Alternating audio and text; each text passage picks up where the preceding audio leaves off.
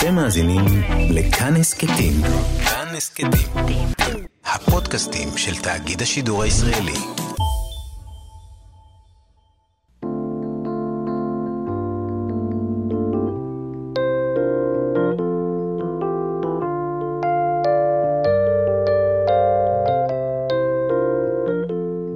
מאחורי הקלעים, שעה עם רותי קרן על צידו הנסתר של עולם התרבות והאומנות.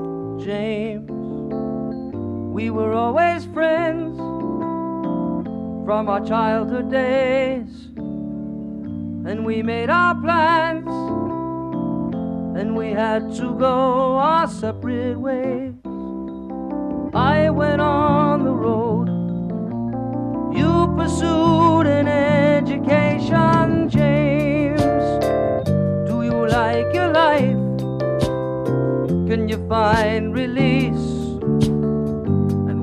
Ever change? Will you ever write your masterpiece? נדמה שמעל אומנים הנמצאים בקדמת הבמה, שחקנים, רקדנים, זמרים, אולי במאים, אולי סופרים, לא מרחפת השאלה מדוע, איך, מה לעיסוק הזה ולך, אף על פי שגם כאן ישנם אזורים נסתרים. אבל מה מוביל אדם להיות תאורן, או מעצב סאונד, מאפרת או מלבישה, בקולנוע, בתיאטרון, באופרה? איך מגיע אדם להיות משחזר נייר, או בונה כינורות, נקדן שירים, או ספרנית תווים בתזמורת? את האנשים האלו אנחנו פוגשים כאן בכל שבוע ומתוודעים אל מאחורי הקלעים של המקצועות הלא מוכרים הללו ושל האנשים המיוחדים שבחרו בהם. והשאלה מדוע תמיד מעניינת. והנה אנחנו מדברים, שומעים, קוראים, באמצעות מילים ואותיות שמובנות לנו מעליהם מגיל מוקדם מאוד, אבל אם נשתהה לרגע ונביט בצורות הללו שהופכות למילים ולמשפטים ויוצרות משמעות ותקשורת, מה יש בהן מעבר לסימנים, וכיצד מוצא עצמו מישהו עוסק באותיות, בכתיבתן, בעיצובן? איך אדם מגיע לזה? איזי פלודווינסקי היה מורה לכימיה שיום אחד התאהב באותיות והחליט שזהו ייעודו, לכתוב יפה. הוא סופר סתם ואחד הקליגרפים הבולטים בעולם, והוא האורח שלנו היום בימי אחורי הקלעים, כדי לקחת גם אותנו אל ממלכת האותיות, אל עטי נוצה, סוגי דיו, כתיבה על קלף, חוקים, איסורים ואפילו מדיטציה, אל עולמות הסתם והקליגרפיה. יוג'י גבאי על הביצוע הטכני, אני רותי קרן מגישה ועורכת. שלום איזי. שלום רותי.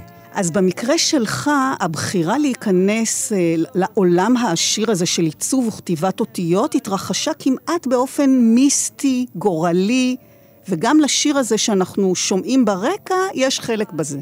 נכון, הכל קשור. בוא נתחיל ככה, זה לא נכון להגיד שאני התאהבתי מההתחלה באותיות, אבל נמשכתי לאותיות. זה קרה כשיום אחד הייתי מורה לכימיה, כפי שאמרת, ועמדתי מאחורי בית הכנסת, וראיתי שם איזשהו פוסטר אזהרה, ובתוך הפוסטר היה תמונה מוגדלת של האות י', ובפוסטר כתוב שאם ספר תורה שלם, אנחנו מדברים עכשיו על מאות אלפי אותיות, אם הכל נכתב יפה ומהודר וכשר, אבל י' אחד היה חסר לו עוקץ קטן שיוצא מצד שמאל למטה מהאות, אז כל הספר תורה יהיה פסול. ואני אמרתי, וואו, איזה סודות יש בתוך העוקץ הזה, איזה כוח יש פה שיכול לפסול ספר תורה שלם. ומשהו הדהד בתוכי ומשך אותי להתעסק עם האותיות האלו שנראית לי כל כך מיסטיות או מעניינות, בוא נגיד ככה. יותר מאוחר, שנים בעצם אחר כך, כשכבר לימדתי כמורה לכימיה, כאן בארץ, בכפר הירוק לימדתי, הייתי מורה בסדר, ממוצע כזה. ואני זוכר יום אחד ישבתי בחדר המורים יחד עם המורים האחרים. אני הייתי בן 25, 24, משהו כמו זה, והם היו בני 40 ו-50, והסתכלתי עליהם, והשיר הזה של בילי ג'ול, השיר ג'יימס, המילים שם הדהדו במוחי, במיוחד השורות, James, do you like your life? Can you find release? will you ever change? When will you write your masterpiece? והשורה האחרונה הזאת, when will you write your masterpiece, פתאום זעזע אותי, כי אני הסתכלתי על האנשים האלו, המורים האחרים, ולא שהיה משהו לא טוב בהם, אבל שאלתי את עצמי, האם אני רואה את עצמי בעוד 20-30 שנה בדיוק כמורה לכימיה? ידעתי שבכימיה אני לא אכתוב את ה masterpiece שלי, ויש משהו בתוכי שצריך לצאת. וזה לא יצא בדרך כמורה לכימיה. ואז החלטתי שאני בעצם חייב לשנות מקצוע. ואז אחרי um, כמה חודשים הוגד לי שנפתח קורס לסופרי סת"ם בבני ברק, והחלטתי לקחת את הקורס הזה מהמועצה הדתית של בני ברק, וברגע שהיה לי את הנוצה ביד שלי, ידעתי שזהו, אני, זה, זה בשבילי ואני לא חוזר ל... למקצוע הקודם. אז אתה נאחז בקוצו של יוד כדי להיכנס uh, לתוך העולם הזה של כתיבת סתם, שאלו כמובן uh, ראשי תיבות, uh, וזאת לחלוטין לא סתם כתיבה, אלא עיצוב אותיות על פי חוקים נוקשים מאוד, בתוך מסגרת מקובעת שנים רבות. אכן. קצת אירוניה שדווקא כתב סתם נקרא סתם, כן. כי בדיוק במקצוע הזה שום דבר שם לא סתם. וכל דבר יש לו איזושהי משמעות. סתם פירושו, זה ראשי תיבות לספר תורה, תפילין ומזוזות, שאלו האובייקטים הראשיים שהסופר כותב, ויש הלכות לגבן. יש גם את המגילה. בנוסף לשלושת הדברים האלו. אז אולי נתחיל מן האותיות עצמן. האותיות שמופיעות בספרי התורה, יש להן צורה מסוימת, חלקן אה, מאותרות אה, במעין כתרים. אז איך זה בכלל נולד? מה המקור של הצורות האלה? המקור, לפי המסורת, המקור הוא בא מסיני. אלו האותיות שהקדוש ברוך הוא נתן לנו. אז יש מחלוקת בגמרא באיזה כתב נכתב הלוחות. והספר תורה שמשה קיבל בסיני. לפי דעה אחת זה הכתב העברי הקדום, והכתב השתנה רק כשעזרא הביא את זה מבבל. ולפי הדעה השנייה, האותיות שיש לנו עכשיו הן בדיוק אותן אותיות שמשה קיבל ונמצא על הלוחות. ואתה, אפרופו המחלוקת הזאת, החלטת להתנסות בכתב עברי קדום, שלי נראה קצת כמו כתב יפני. מאין ידעת כיצד נראות האותיות אה, בכתב העברי הקדום? קודם כל, יש לוחות שכבר מודפסות, המבקרים במוזיאון ומסתכלים בספרים ולומדים מהפליוגרפים שבעצם חקרו את כל ה... והצורות האלה, חייבים לציין, הן לא דומות בכלל לאותיות שאנחנו מכירים. ממש לא. ממש לא. זה, זה באמת נראה... זה כתב שונה לגמרי. והפליוגרפים יגידו שהכתב האשורית שיש לנו, mm-hmm. זה בעצם בא מכתב ארמי שעזרא הביא מבבל וקצת התפתח אצל היהודים. מה לגבי הכתרים שיש מעל האותיות, שזה ממש בעצם העבודה שלך, ככה? זה נמצא, לפי ההלכה זה נמצא, הכתרים האלו מופיעות על אותיות מסוימות, בראשי תיבות שעטנז גץ, עין, ט', נון, זין, גימל, צדי וצדי סופית. יש הסברים מיסטיים מה התפקיד של הכתרים האלו, סיבות מהקבלה.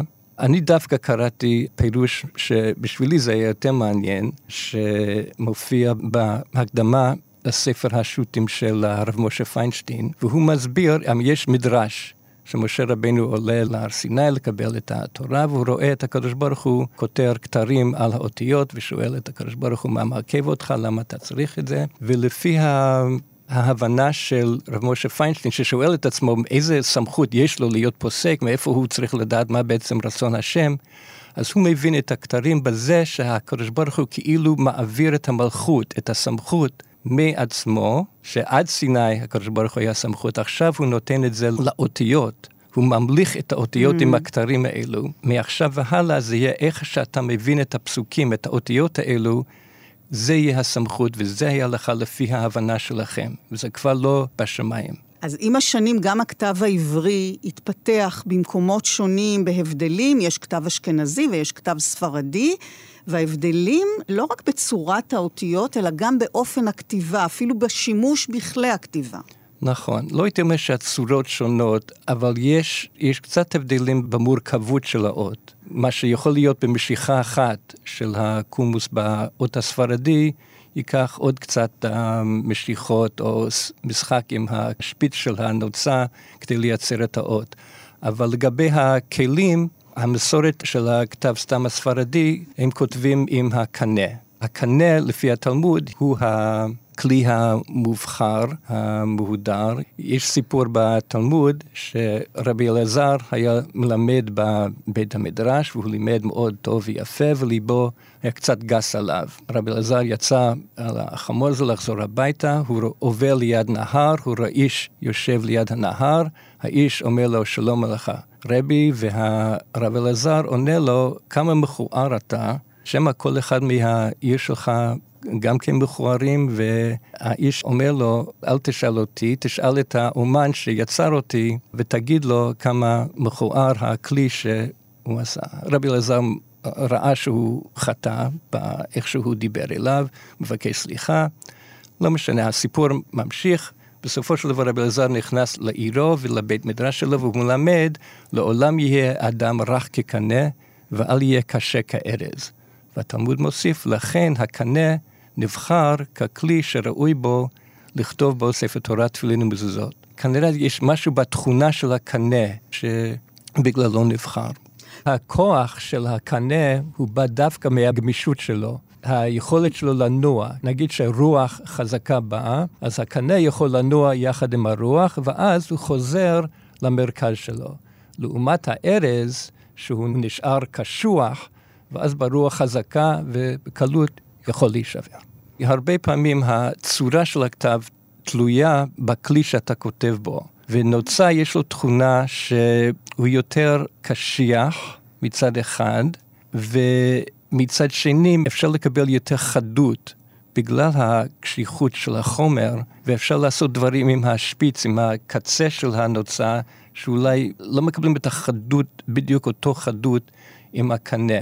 אז יש תכונות מאוד עדינות, הבדלים בין הכלים האלו, מאוד קשה להסביר את זה בלי להראות את זה. Mm. לה... וזה משפיע שהאותיות האשכנזיות והספרדיות בעצם נראות קצת שונות, כאשר האות האשכנזית היא קצת יותר מורכבת בעצם כן, הייתי אומר intricate, אבל אני לא יודע איך להגדיר את זה בדיוק בעברית. ושוב, בלי להראות את זה, כי זה הבדלים דקים. זאת אומרת, אדם מן המוצא שמסתכל אולי אפילו לא, לא יבחין. יבחין. אולי, אולי לא יבחין, כן. אבל סופר כן יבחין. סופר, וזה יותר קשה בעצם אה, מבחינתך לכתוב. אני לא יודע אם זה יותר קשה, זה לוקח יותר זמן, ואולי זאת הסיבה mm. למה בשוק...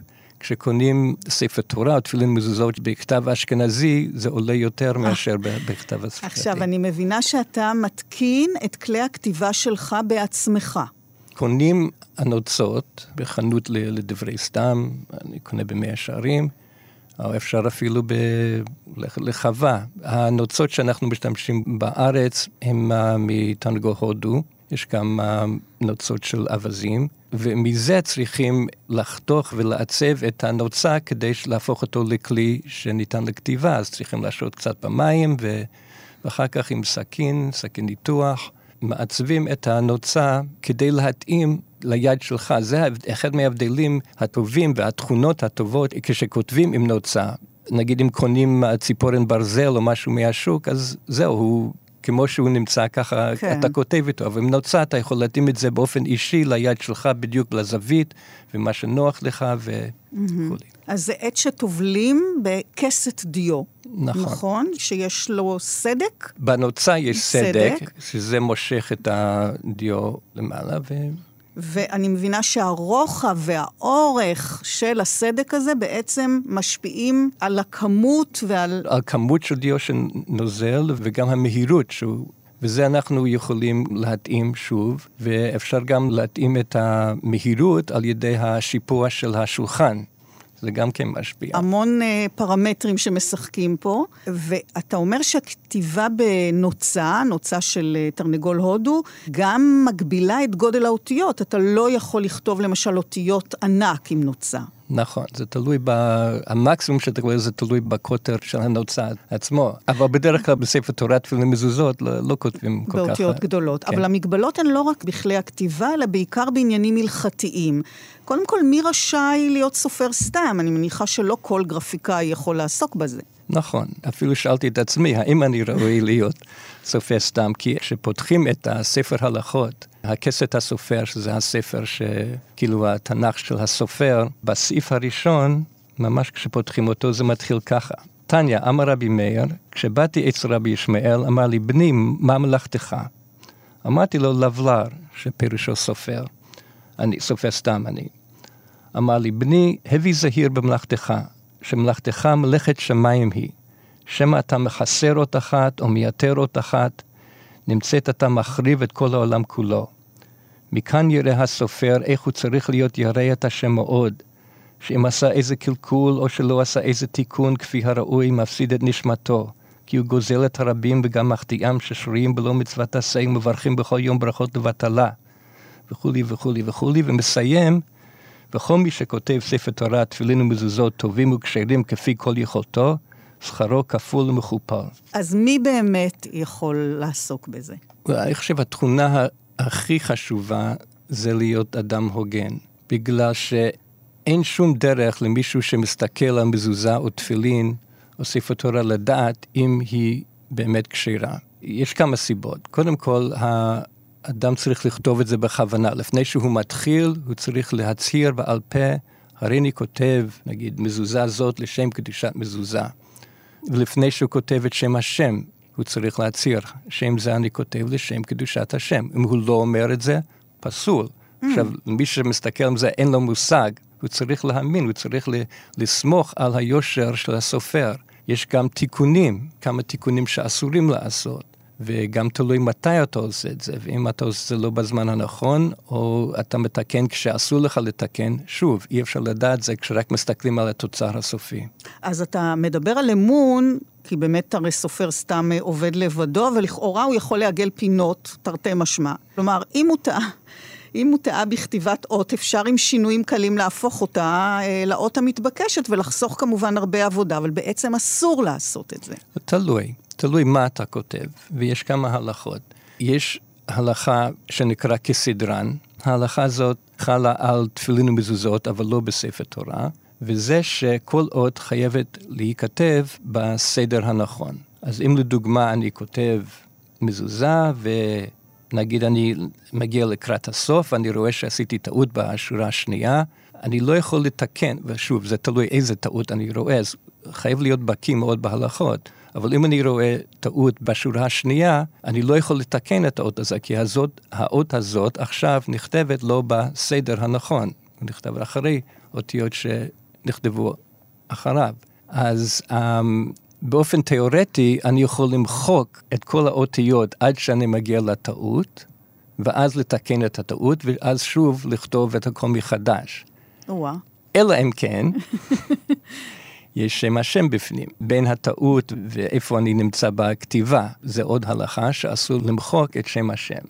אז אם זה קורה במזוזה, אין לי אלא מה לגנוז את המזוזה. לגנוז את המזוזה. כן, אי אפשר. אבל, אבל לעשות למשל, לקחת אות, נניח אה, לעשות אה, מהאות ה', לעשות ממנה ד'. אז זה עוד הלכה שנקרא חוק תוכות. שבגלל שכתוב, מאיפה אנחנו יודעים שספר תורה, תפילין ומזוזה, חייבים לכתוב אותו, זה מהפסוק, וכתבתם על מזוזות ביתך. אז uh, הם לומדים שזה ממש צריך להיות כתיבה. האותיות חייבים להיווצר על ידי כתיבה, ולא על ידי מחיקה. אז הדוגמה שאת נתת, אם אני כותב ה' במקום ד', ואני רוצה לתקן אותו עכשיו, אני לא יכול למחוק את הרגל השמאלית של ה כי אז אני מייצר את האות, את צורת האות של הדלת, לא על ידי כתיבה, אלא על ידי מחיקה. Mm. אז זה עוד דוגמה למשהו כן. שצריכים לסמוך על ה... אז יש ממש כל מיני חוקים לגבי כמעט כל אות, למשל האות ו', שצריך להקפיד שלא תהיה רחבה מדי. ברור, mean, זה אפילו לא רק לדברי סתם, לכל מי שקורא, נגיד שאת קוראת עיתון והו' הוא רחבה ואת צריכה להפסיק באמצע, ואיזה אות זה, זה רש, זה ו'. כן, ו' ונ' סופית, כן, גם יכול להיות. בדיוק, כן. בדיוק. מה קורה אם נושרת טיפת דיו על הנייר? אז זה עוד דבר חשוב. זה עוד הלכה שחלה, שהכתיבה חייבת להיות בכוונה. מה הפירוש בכוונה? שאני צריך, בזמן שאני כותב, המחשבה שלי והכוונה שלי היא שאני כותב את האות הזאת. ולכן גם זה רצוי שאומרים את. האות או המילה לפני שכותבים אותו, אומרים את זה בעל פה. ואם לדוגמה אני טובל את הנוצה בתוך הדיו, ולפני שאני מגיע לכתוב את זה, טיפת הדיו נופל על ה... במקרה נופלת על המזוזה ובדיוק יוצרת אות י', לדוגמה. Mm-hmm. אני לא כיוונתי לכתוב את זה, זה פשוט נפל באופן מקרה ויצא ככה. שוב, האות הזאת, אם אני משאיר אותו, היא פסולה. כן. אני חייב למחוק את זה ולכתוב את זה עם כוונה. Mm-hmm. ואני מוצא בזה משמעות מעניינת, שבעצם כל הכתיבה מתחילה בכוונה, עם כוונה, עם משהו מאוד פנימי, ואז אני אומר את המילה או את האות. אז יוצא מהפנימיות, זה יוצא החוצה לפה, ומהפה עובר ליד, ומהיד לדיו ולנייר. ויש איזשהו קשר ואיזשהו רצף של כוונה, שאני חושב, זה מה שעושה את המזוזה או התפילין המזוזות קדושים. כי יש, יש חשיבות, זה בדיוק ההפך של לעשות משהו סתמי. מעבירים משהו, משהו פנימי שקשור לא רק בך, אבל גם, גם כל המסורת שלך, אתה ממשיך משהו פה, כן. ואתה חושב על אותיות קדושות, אפילו, אפילו השאלה מה זה קדוש נכנסת לראש. אתה מתחיל עם משהו לגמרי אבסטרקטי, כמו מחשבה, וזה עובר למשהו חומרי. אתה עושה את הקשר הזה בין, נקרא לזה שמיים וארץ.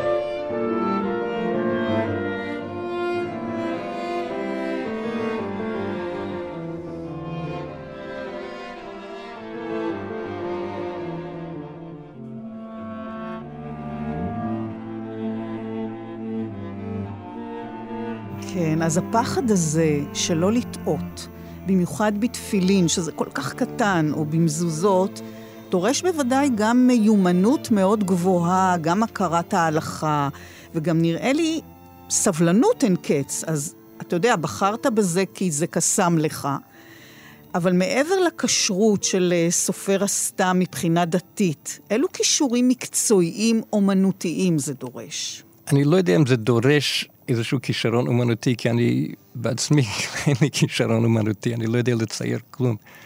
um, ומה שכן דורש זה איזשהו, שתי תכונות, הייתי אומר, מה שנקרא ביידיש זיץ פלייש, צריכים להיות לך סבלנות ממש לשבת לזמן מה, וצריכים פשוט רצון, ומאיפה בא הרצון הזה אני לא יודע, כי זה גם פלא בעיניי למה דווקא לזה יש לי את הסבלנות והרצון והדחף וה... הזה לכתוב יפה, וזה חשוב לי, זה חשוב לי מאוד.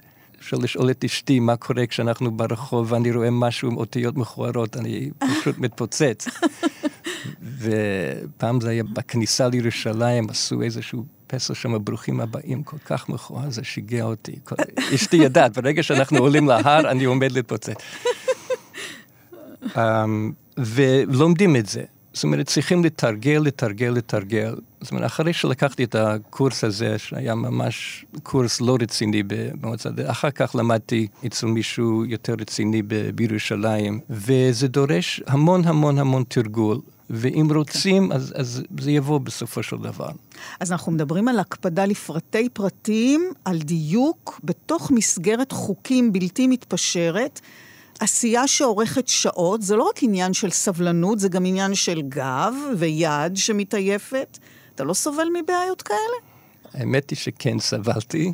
ארבע שנים אני לא הייתי יכול לשבת בכיסא, סבלתי מפריצות דיסקים, שלוש פריצות uh, בבת אחת. אבל טיפלתי בזה, ושיניתי אפילו את הכיסא שאני יושב עליו, ולמדתי לקחת יותר הפסקות. והיד? היד, גם כן, הפסקות. אגב, איך לא נמחקות לך האותיות כשאתה כותב? הכתב העברי הוא מימין לשמאל? יש לי קצת מזל כאן שאני שמאלי, אז uh, זה עוזר, וכשאני כן. מלמד uh, תלמידים שכותבים בימין, uh, זה אחד מהדברים שצריכים להיזהר וללמוד איך לא... ל... לא למרוח את זה. איך לא למרוח את זה. כן, אבל זה אפשר... בעצם להרים את היד, זה קצת לאמץ את השריר. אפשר על ידי הזווית. אני מנסה כמה שיותר שהתנוחה תהיה טבעית. ואני לא רוצה לעקם, כי אז באמת מתחיל הבעיות הגופניות, אבל אפשר על ידי הזווית של הלוח שאתה כותב עליו. אז זה גם תנוחה מסוימת של היד, אני מניחה, וגם, אתה אומר, שולחן אה, וכיסא מיוחדים. כן, וזה מאוד חשוב להיות קשוב לגוף. אתה יושב על הברכיים בכלל. כן, יש לי כיסא כזה שאני יושב על הברכיים.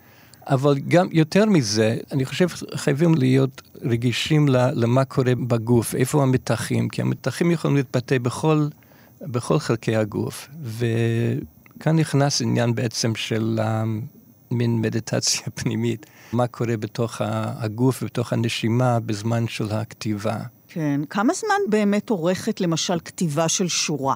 זה מעניין. כשאדם מתחיל, זה באמת לוקח הרבה זמן, זה יכול להגיע אפילו ל-20 דקות לשורה. כשאני, אני זוכר כשאני התחלתי לכתוב, ועם הזמן טוב. זה משתפר ואפשר לכתוב יותר מהר. אני זוכר פעם אחת, הגענו מוקדם לשיעור, כשאני עדיין למדתי את המקצוע, וראיתי את המורה שלי כותב מגילה, והייתי סקרני לדעת כמה זמן לוקח אותו לכתוב שורה, ובדקתי. וזה מדהים. הוא סיים שורה בשתי דקות, שתיים וחצי דקות, משהו כמו זה, אבל הדבר הפלאי זה, זה לא נראה כאילו הוא כותב מהר. פשוט לא היה שום תנועה מיותרת. הכל הלך חלק, חלק, חלק, זה היה כמו לראות מישהו רוקד. זה היה מדהים, מדהים. אדם צנוע מאוד, אפילו לא היה מודע לזה. ויש הבדל בין השורה הראשונה, למשל, לשורה ה-20 מבחינת האיכות, איכות האותיות, או שאתה מצליח לשמור עליהן זהות? כיום אני, ברוך השם, מצליח לשמור על, ה, על האחידות של הכתב, אבל כשמתחילים, סיפור לגמרי שונה. ומציעים לאלו שכותבים את, נגיד, המגילה הראשונה שלהם, בעצם מתחילים הדבר הראשון שסופר שלומד, אומרים לו לכתוב, זה מגילת אסתר. למה מגילת אסתר? בגלל שאין שם השם. אז כל שגיאה שהוא עושה, ניתן לתקן. אבל גם מייצאים לו להתחיל מהסוף, זאת אומרת, מהעמודים האחרונים של המגילה. כי עד שהוא מגיע להתחלה, הכתב שלו ישתנה לגמרי לטובה. כשמתחיל זה די מכוער, בדרך כלל. ואז עובדים על זה כמה שבועות טובות, והכתב משתפר מהר עם הזמן, ובדרך כלל כשמראים מגילה למישהו ופותחים את השני עמודים הראשונים, אז רוצים להרשים אותם, אז רואים כבר משהו, אבל לא מראים לו משהו כתב בסוף, שזה כן. פחות יפה כן. להגיד. יש אותיות שהן קשות יותר מאחרות לכתיבה? הייתי אומר שכן. האותיות שמתחילים מתקשים בהם, בדרך כלל זה השין, הצדי והאלף. אני חושב שאלו השלוש אותיות הכי קשות. כי? האלף, נתחיל עם האיזון. יש שלושה אלמנטים שם, יש את היוד העליונה, היוד התחתונה והאלכסון הזה, וכדי שיהיה מאוזן, זה דורש בדיוק איפה, איפה כל חלק נוגע בשני, האלף יכולה להיות נוטה אחורה או קדימה, או בכלל, החללים שם בפנים צריכים מאוד להיזהר. יש, יש מעט מאוד uh, רווח, אז לוקח זמן עד שמתמחים בזה. אותו דבר עם עוד שין ועוד צדי, שדורש קצת תנועות um, אי אפשר להיות עצלן ולכתוב שין יפה או צד יפה, צריכים קצת להתאמץ.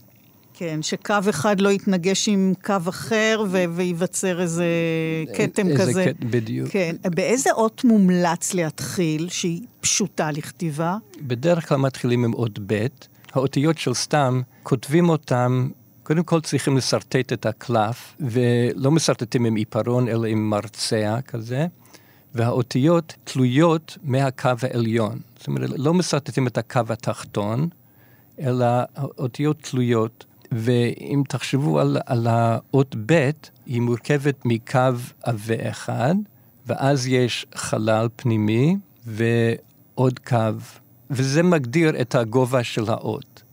אז כשאדם מתחיל ללמוד איך הוא כותב, הוא מאוד קל לראות, לעשות את המשיכה הזאת, ואחר כך לראות כמה חלל להשאיר, שזה בדיוק שווה לגובה של המשיכה הראשונה. ואז לעשות את הקו התחתון. לכן אנחנו אומרים שבאותיות האלו הגובה של האות היא שלושה קומוסים. כלומר, הרוחב של הקו התחתון, הרוחב של הקו העליון והרוחב של החלל ביניהם זהה. בדיוק. זה שלוש מידות זהות. כן, שאנחנו קוראים למידה הזאת קולמוסים, עובי קולמוס. ולכן קל להתחיל עם האות ב', כדי לאמוד את ה... גם לאמוד את הגובה וגם איך לכתוב קו ישר. Mm-hmm. ועם הזווית הנכונה. אז זהו, אני, אני הבנתי ממך שיש גם הבדל בעובי או המשקל, כמו שאתה קורא לזה, בין אותיות אשכנזיות לספרדיות? האותיות הספרדיות הן קצת יותר, מה שאנחנו אומרים, משקל קצת יותר קל. זאת אומרת, יהיה רווח קצת יותר גדול. יש בכלל פן אישי בכתיבה, או שכתיבת סתם היא זהה לפי החוקים, ואי אפשר להבחין בין ספר שאתה כתבת לבין סופר סתם אחר? אני חושב, למרות כל ההלכות המאוד מאוד מקפידות ומחמירות, והצורות האות חייבת להיות בדיוק ככה ולא ככה, ואם חסר זה... כל זה נכון, אבל בכל זאת, יש לכל סופר, לכל בן אדם, בגלל שהוא בן אדם, בגלל שהוא אנושי, יש לו כתב שהוא משלו. וכן ניתן להבחין בין הכתבים של סופרים שונים. על איזה אלמנטים, למשל, יש, ישנם הבדלים? איך אתה יכול לאפיין, למשל, את הכתב שלך במשהו ספציפי שהוא שלך? מה? קשה לי לענות. Um, בהחלט יש לי כתב מסוים. בוא נגיד שאני אוהב, בתוך החוקים הנוקשים, אני אוהב לשחק. וזה חשוב לי לתת אישיות לאותיות, זה כל מה שאני, שיש לי להגיד. אתה לא יודע איך להמחיש את זה? זאת אומרת, לתת לי דוגמה? אני אצטרך לכתוב ולהראות לך. במילים אני לא יכול להגיד. אתה לא יכול. No.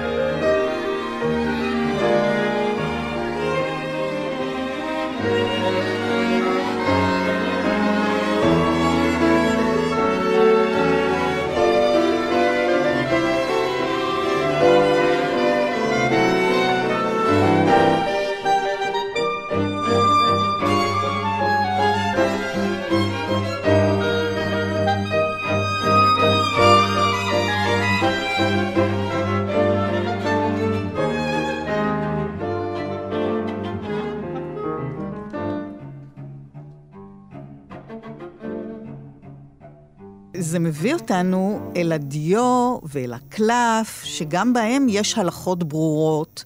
שניהם חייבים להיות כשרים. מה זה אומר דיו כשרה, קלף כשר? קלף פירושו הוא בא מאור של בהמה, ולפי ההלכה הוא צריך לבוא מאור של בהמה כשרה, ממין כשר.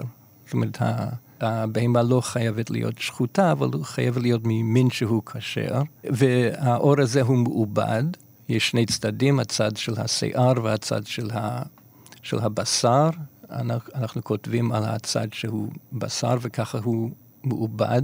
שיהיה כתיבה מאוד נעימה לצד הזה. ויש אומנים שדווקא מעדיפים לכתוב על הצד השני. בצד השני זה יותר צבוע, יש את ה... אפשר לפעמים לראות את הכתמים של הפרה mm. או של החיה, שזה לקוחה משם, וזה יותר מעניין הצד הזה. הצד שאנחנו כותבים פחות יותר לבן לבן. כן, והדיו, מה זה דיו כשרה? הדיו צריך להיות, העיקר הוא צריך להיות שחור. זה בעצם ה, הדרישה. יש שתי מסורות של ממה מורכב הדיו. יש, הדיו שאנחנו משתמשים בו בא מעפצים, ומה שנקרא קנקנטום, שהוא גופרית של, ה, של ברזל, וזה נותן את השחור, וה, וגומה, גומה ערבי, שהוא בא מ... מהעץ עץ השיטה, שזה נותן את ה, כאילו הדבק שמחבר את כל המרכיבים ביחד ועוזר לחיבור לקלף. אמרת לי שזה בעצם יש מתכון סודי. לרוב החברות שמייצרות את הדיו לא אוהבות לפרסם את המתכונים שלהם, והם די משאירים את זה קרוב ל... אבל אתה פענחת אותו, כי בכל זאת אתה מורה לכימיה, אז...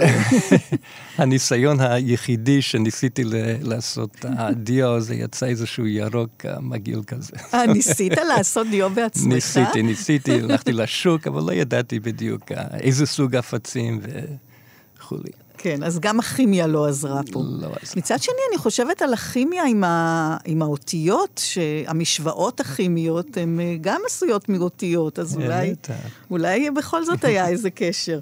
ומאחר שהדיו שחורה, אתה חשבת שאולי תוכל להשתמש בעד ברזל, למה בעצם? בהתחלה לא ידעתי לכתוב בנוצה, והאמת היא שהיה לי תחביב לפני שאני למדתי להיות סופר, וזה עדיין היה כשהייתי בארצות הברית, כשעדיין הייתי מורה לכימיה, ורציתי קצת ללמוד את המקצוע של ספרות. לא הצלחתי uh, למצוא לעצמי מורה. הכי קרוב שהגעתי זה היה לקחת קורס בקליגרפיה. ובקורס בקליגרפיה אנחנו השתמשנו בעט ברזל, והבעיה עם לכתוב עם עט ברזל, זה שהדיו של הסופרים לא ממש נוזל בקלות, בגלל הדיו של הסופרים הוא, הוא מאוד סמיך, מאוד דביקי כזה, והוא לא מיועד לעט ברזל. ואז חשבתי, אולי, אולי בכל זאת אני יכול להשתמש בדיו מסחרי, ולא הייתי בטוח. לא ידעתי מה, מה יש בתוך הדיו המסחרי, ואז הייתי בארץ, אני צלצלתי לאבא שלי שהיה בחו"ל לצלצל לחברה שמייצרת את הדיו המסחרי, ולשאול מה, מה בעצם יש שם. וזה היה מוזר, אבא שלי, לא יודע עם מי הוא, מדבר, הוא דיבר, אבל בן אדם שם בחברה אמר לו לא להשתמש בזה לסתם. זה היה מוזר מאוד איך הוא בכלל ידע, איך, שבכלל יהודי ואיך הוא בכלל יודע מה זה סתם, לא יודע, אבל ככה אבא אמר לי, אז בסדר, קיבלתי את זה. Uh, כשהתחלתי ללמוד, על הנושא הזה קראתי משהו ש... שכתב התורה תמימה, ששואל באופן כללי, ההלכות האלו שצריך להיות כשר, זה בא מהפסוק, למען תהיה תורת השם בפיך.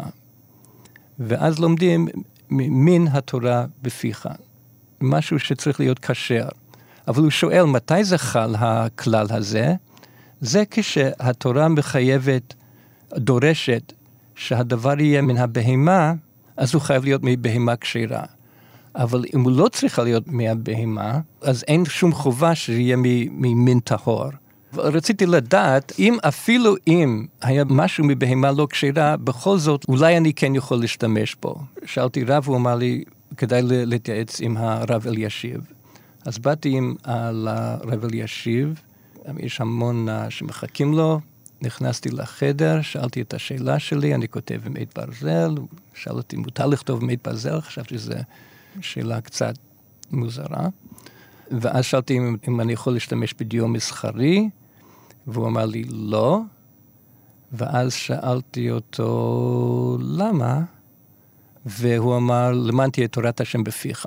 אז אמ, אמרתי, בסדר, אבל האם אין כלל שה... והתחלתי להסביר משהו שקראתי בתורה תמימה, ולהפתעתי לזעזועתי, הוא שם את הידיים שלו על האוזניים שלו וצעק אליי לצאת מהחדר.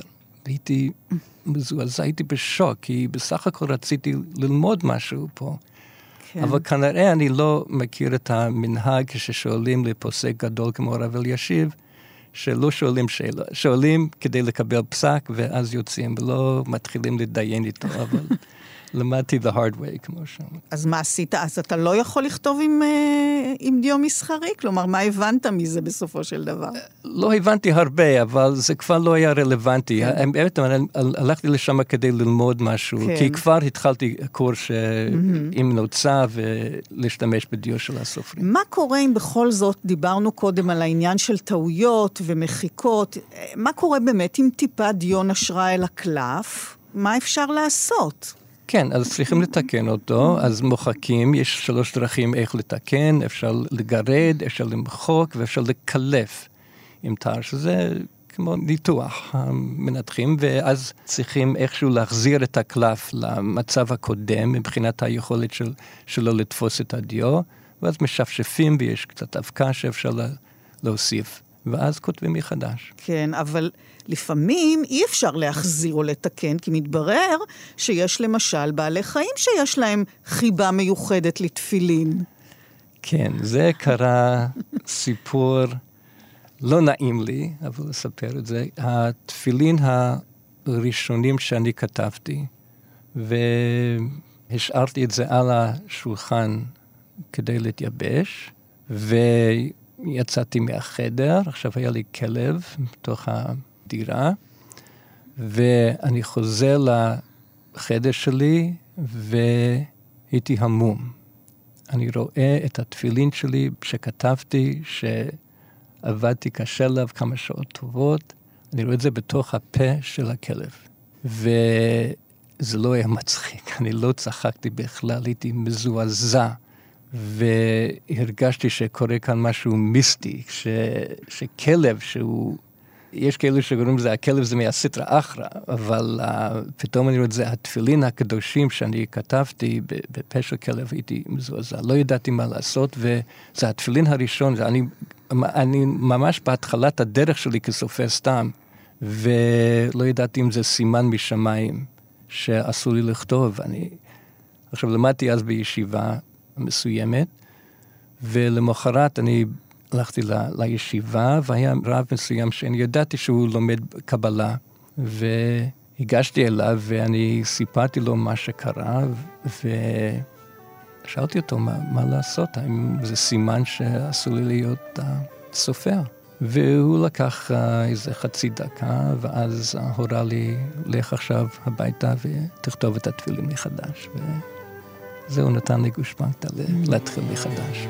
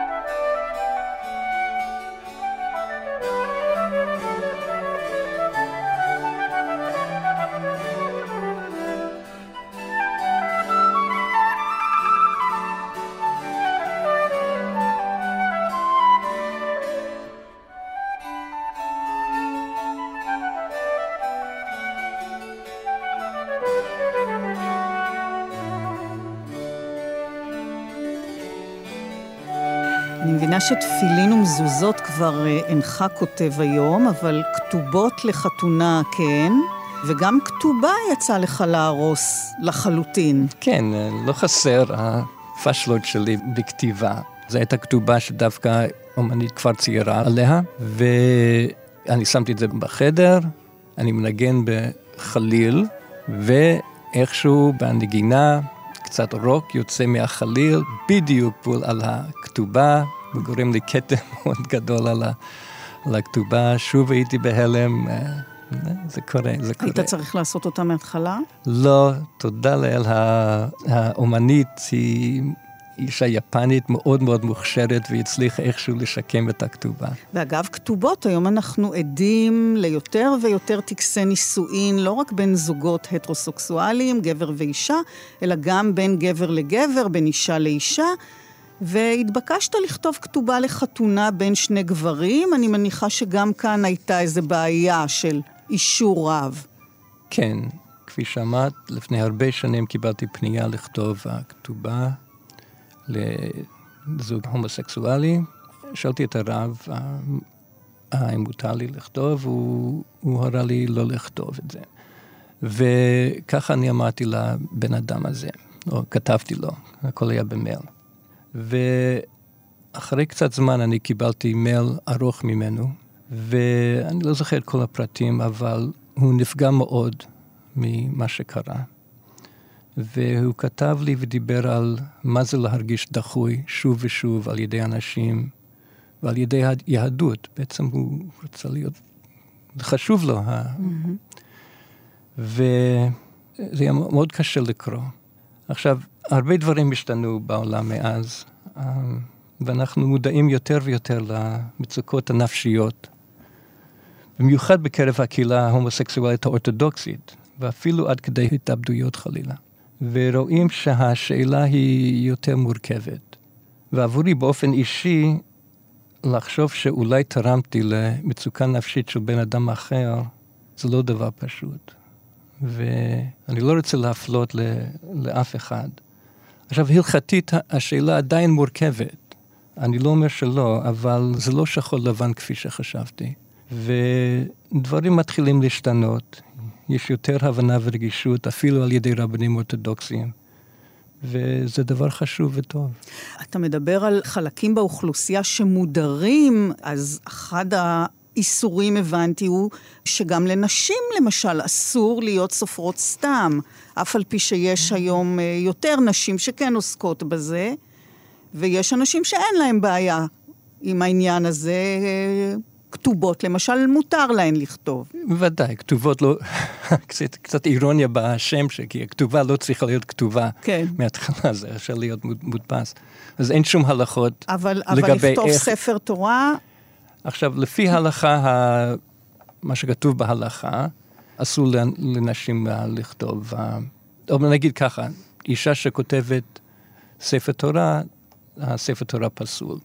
הרבה נשים כן באים ללמוד ורוצים ללמוד את האומנות של הסתם. האמת היא שמגילות, לפחות יש מחלוקת, אבל יש הרבה פוסקים שאומרים שנשים יכולים לכתוב מגילות. אז אין לי שום בעיה ללמד אישה את האומנות וגם ההלכות של סתם, כי אם הן כבר כותבות, אז שהמגילה תהיה כתובה כשרה. כן. אנחנו נוגעים לא פעם במהלך השיחה הזאת, איזי, מכל מיני היבטים בעניין של קשה ורך, קנה מול נוצה, וכמובן הסתם מול העולם הרחב יותר של כתיבת uh, אותיות, הקליגרפיה שמאפשרת כתיבה יותר חופשית, אבסטרקטית, אפילו אומנותית, יפה, זה גם פירוש השם, קליגרפיה, כתב יפה. נכון. אבל כל זה מוביל אותי לאופן שבו אתה אישית תופס את המקצוע שלך.